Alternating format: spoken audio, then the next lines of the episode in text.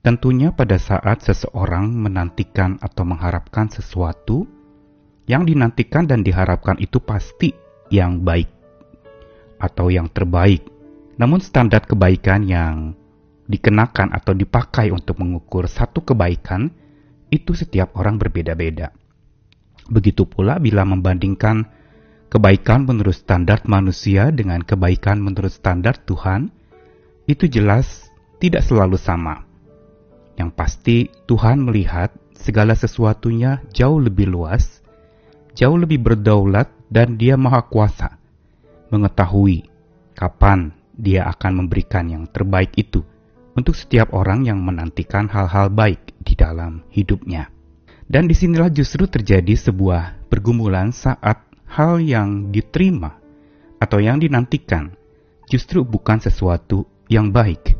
Karena pada saat itulah orang mulai kecewa dan merasa bahwa apa yang dinantikan dan diharapkan tidak kunjung datang.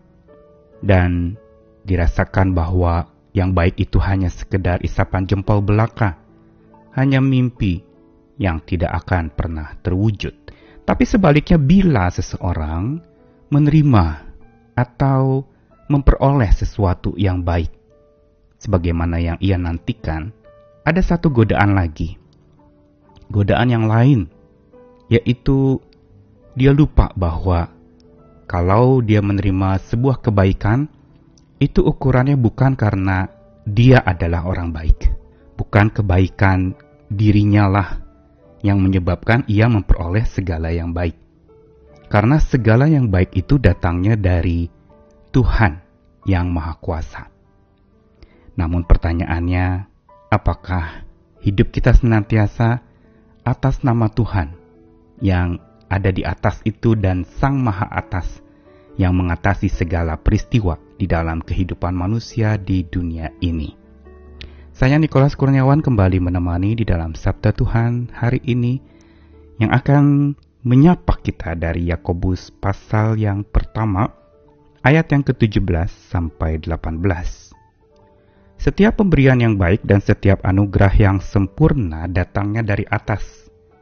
Diturunkan dari Bapa segala terang, padanya tidak ada perubahan atau bayangan karena pertukaran.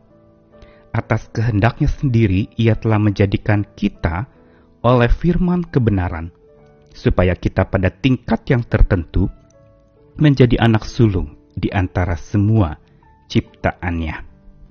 Bacaan kita ayat 17 18 ini adalah sebuah bagian penutup dalam satu perikop yang berbicara tentang pengujian dan pencobaan yang sering dialami oleh orang percaya. Begitu pula, bukankah pada saat di mana kita mengharapkan atau menantikan sesuatu, saat itu ujian, latihan otot iman seperti yang kemarin sudah disampaikan itu terjadi. Dan di situ justru akan teruji pula bagaimana baiknya seseorang itu dan betapa baiknya Tuhan itu untuk orang itu. Setelah kebaikan diterima, setelah sesuatu yang diidam-idamkan itu tercapai, yang diharapkan itu datang dan lalu memenuhi hidup, Yakobus mengingatkan sesuatu yang penting, bahwa bila seseorang bisa menerima pemberian yang baik dan anugerah yang sempurna itu datangnya dari atas. Artinya adalah apa? Ungkapan datang dari atas berbicara tentang Bapa segala terang. Ayat lanjutnya dikatakan demikian. Diturunkan dari Bapa segala terang, yang padanya tidak ada perubahan atau bayangan karena pertukaran. Ini menginsyafkan dan menyadarkan kita saat menerima sesuatu yang baik dalam hidup kita. Tidak gegabah dan pongah merasa bahwa saya pantas mendapat yang baik karena saya memang orang baik. Atau saya patut menerima sesuatu yang lebih baik karena hidup saya sudah lebih baik daripada orang lain. Di sinilah kepongahan mulai memenuhi seseorang pada saat harapannya atau apa yang dinantikannya itu dia peroleh. Dia lupa bahwa kalau dia bisa memperoleh yang baik, itu asalnya adalah dari Bapa segala terang yang maha baik. Dan dia disebutkan tadi datang dari atas yang kalau saya mau rangkumkan Bapa segala terang yang datang dari atas ini adalah Bapa Sang Maha Atas. Dia yang mengatasi segala hal. Dia yang dari atas juga mengamati setiap orang percaya umat pilihannya, orang-orang yang mengikutinya. Dan dari atas pula, dia berdaulat untuk menjadikan segala sesuatunya itu menjadi baik. Karenanya dikatakan ayat yang ke-18, atas kehendak Tuhan sendiri, ia telah jadikan kita oleh firman kebenaran, supaya pada tingkat tertentu kita jadi anak sulung di antara semua ciptaannya. Lihat bagaimana Tuhan Sang Maha Atas itu berdaulat penuh atas segala sesuatu, dan Dia mampu mengatasi segalanya menjadi baik. Dan ini membuat kita makin sadar respons kita harusnya ketika menerima sesuatu yang baik yang datangnya dari atas itu. Sudahkah hidup kita selalu mengatasnamakan Tuhan? Apa artinya hidup yang mengatasnamakan Tuhan? Hidup yang berarti selalu ada di dalam nama Tuhan. Hidup di atas nama Tuhan berarti dia hidup di dalam lingkup perlindungan dan kekuatan Tuhan yang maha tinggi itu, yang melihat dari atas, dari kejauhan, dengan mata kasihnya kepada setiap orang yang penuh dengan pergumulan di dunia ini. Dan pertanyaannya juga bukan saja sudahkah kita selalu hidup atas namanya, tapi sudahkah kita hidup beralaskan kuasa kebaikan Tuhan?